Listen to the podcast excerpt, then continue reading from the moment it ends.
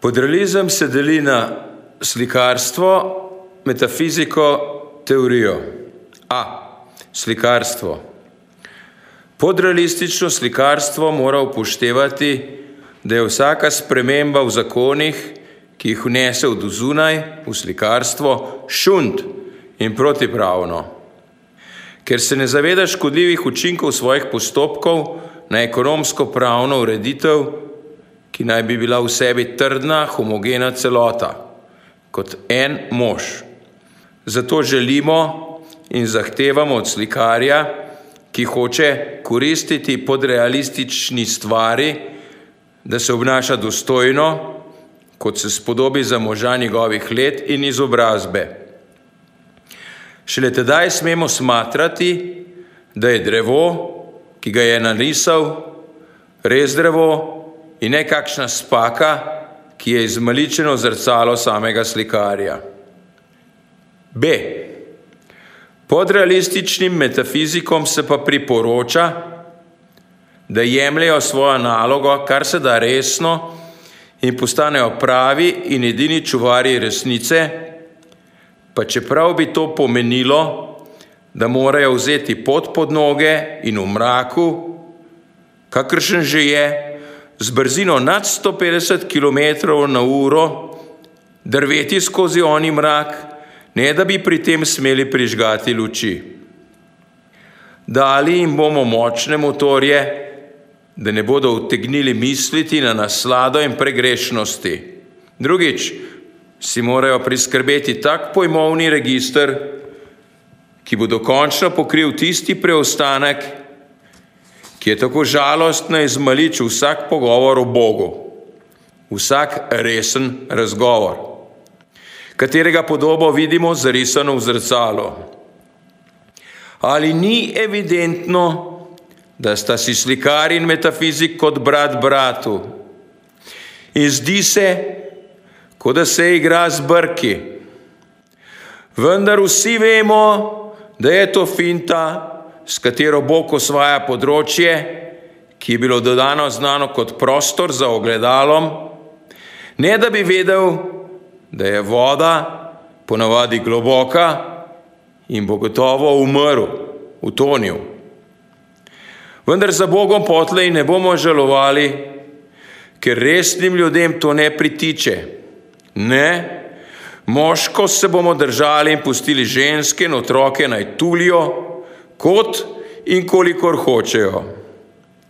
Tretjič, si morajo priskrbeti tak pojmovni registr, da se bomo imeli vsi radi.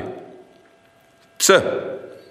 Dokler morajo slikari in metafiziki, kot smo videli, močno paziti na svoj ugled in ponašanje, da se ne zamerijo svojim neokusnim besedičenjem ljudstvu, katerega skrbni učitelji so, pa teoretikom tega ni treba. Mi lahko počnemo, kar nas je volja, da smo le ustrajni in verni materialisti. Naša misel mora zapopasti širine in se potopiti v globine, katere niso dostopne nikomor, razen nam. Razen tega začenjamo tam, kjer se končujejo slikarji in metafiziki, in se iz njih veselo norčujemo. Kako pa? Medtem, ko se mi veselo norčujemo, zato smo pa tudi dobro plačani, naj pa oni garajo, kaj pa drugega. Le eno zahtevamo, dol s humanizmom, drugega nimamo reči. Le eno se zahteva od nas, teoretikov, da smo strogi in nepopustni v svoji sodbi, da niti za las ne odstopimo v svoji veri v materializem. Ker piše, da bomo to že dosegli in se nam potlej ni treba ničesar bati. Kaj se še zahteva od podrealizma? Da se sačini istorija čitanja, da se proveri razdalja Beograd-Pariz In ker predpostavljamo, da dosadašnje meritve niso tačne, treba sve staviti pred sud in povesti istragu za onim, koji je ova merenja predložio. Onda mi predlažemo izbor. Ili da se konačno oženi, ili voz se polako približava ostanici. Niko nije znao da je od tada poteklo već sedam godina. Strašna eksplozija presekla je putove i više se nije vraćalo. Da sebe prepozna kao eminentnu praksu pisanja traga, da već jednom ne spusti oči s konopca, kad prolazi dama, uz to još i sama, da ispostavi one pojmove u opozicijskom paru koji su sve do sada ostajali u senki i kojih je tamo držao, ako ne strah od vlasti, policije.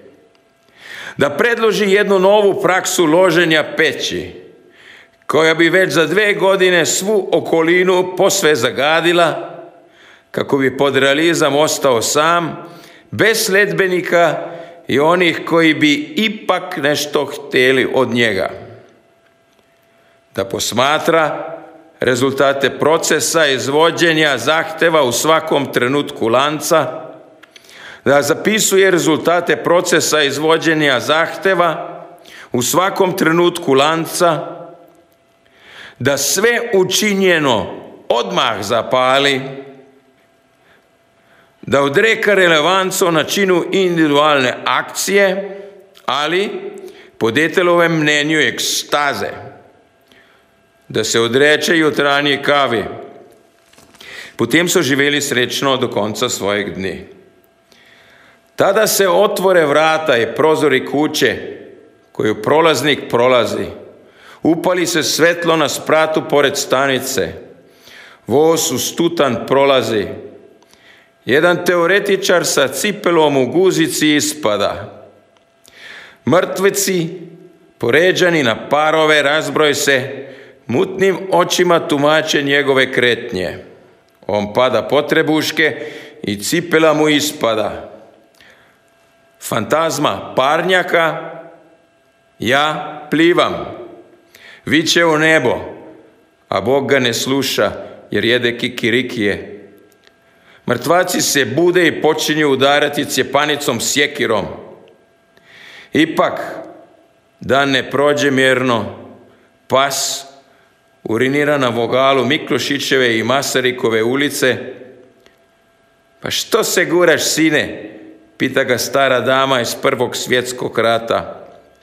Plivam, izjavljuje teoretičar i gnjuri, vertikalno asfalt. Plivam ko patka zabadavka.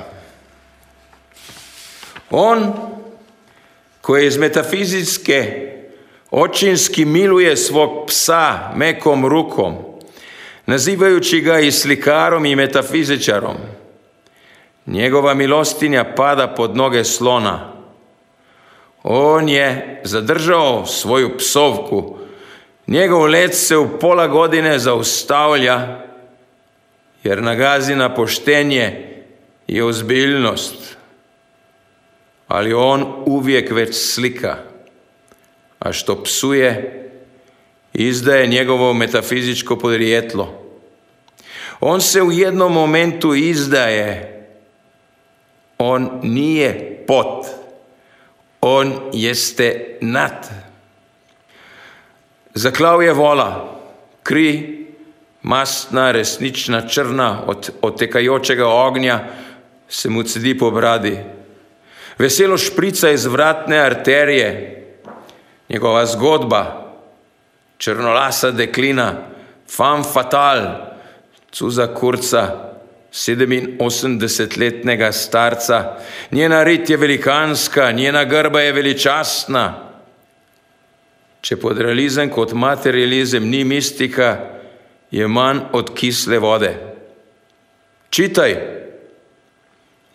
Ono što beše začuđenje je otkrovenje. Hladna gora, miši kurac.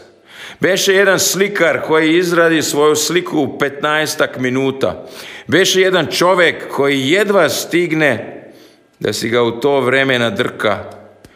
Beše to petkom posle podne, kada crkla artikulacija, kako da ispljuje miris. Misao se vraća, oda peta strelica, uvijek već tu, veličanstveno prvo, žbun. V sobo stopijo mravljinci in preženejo prepih.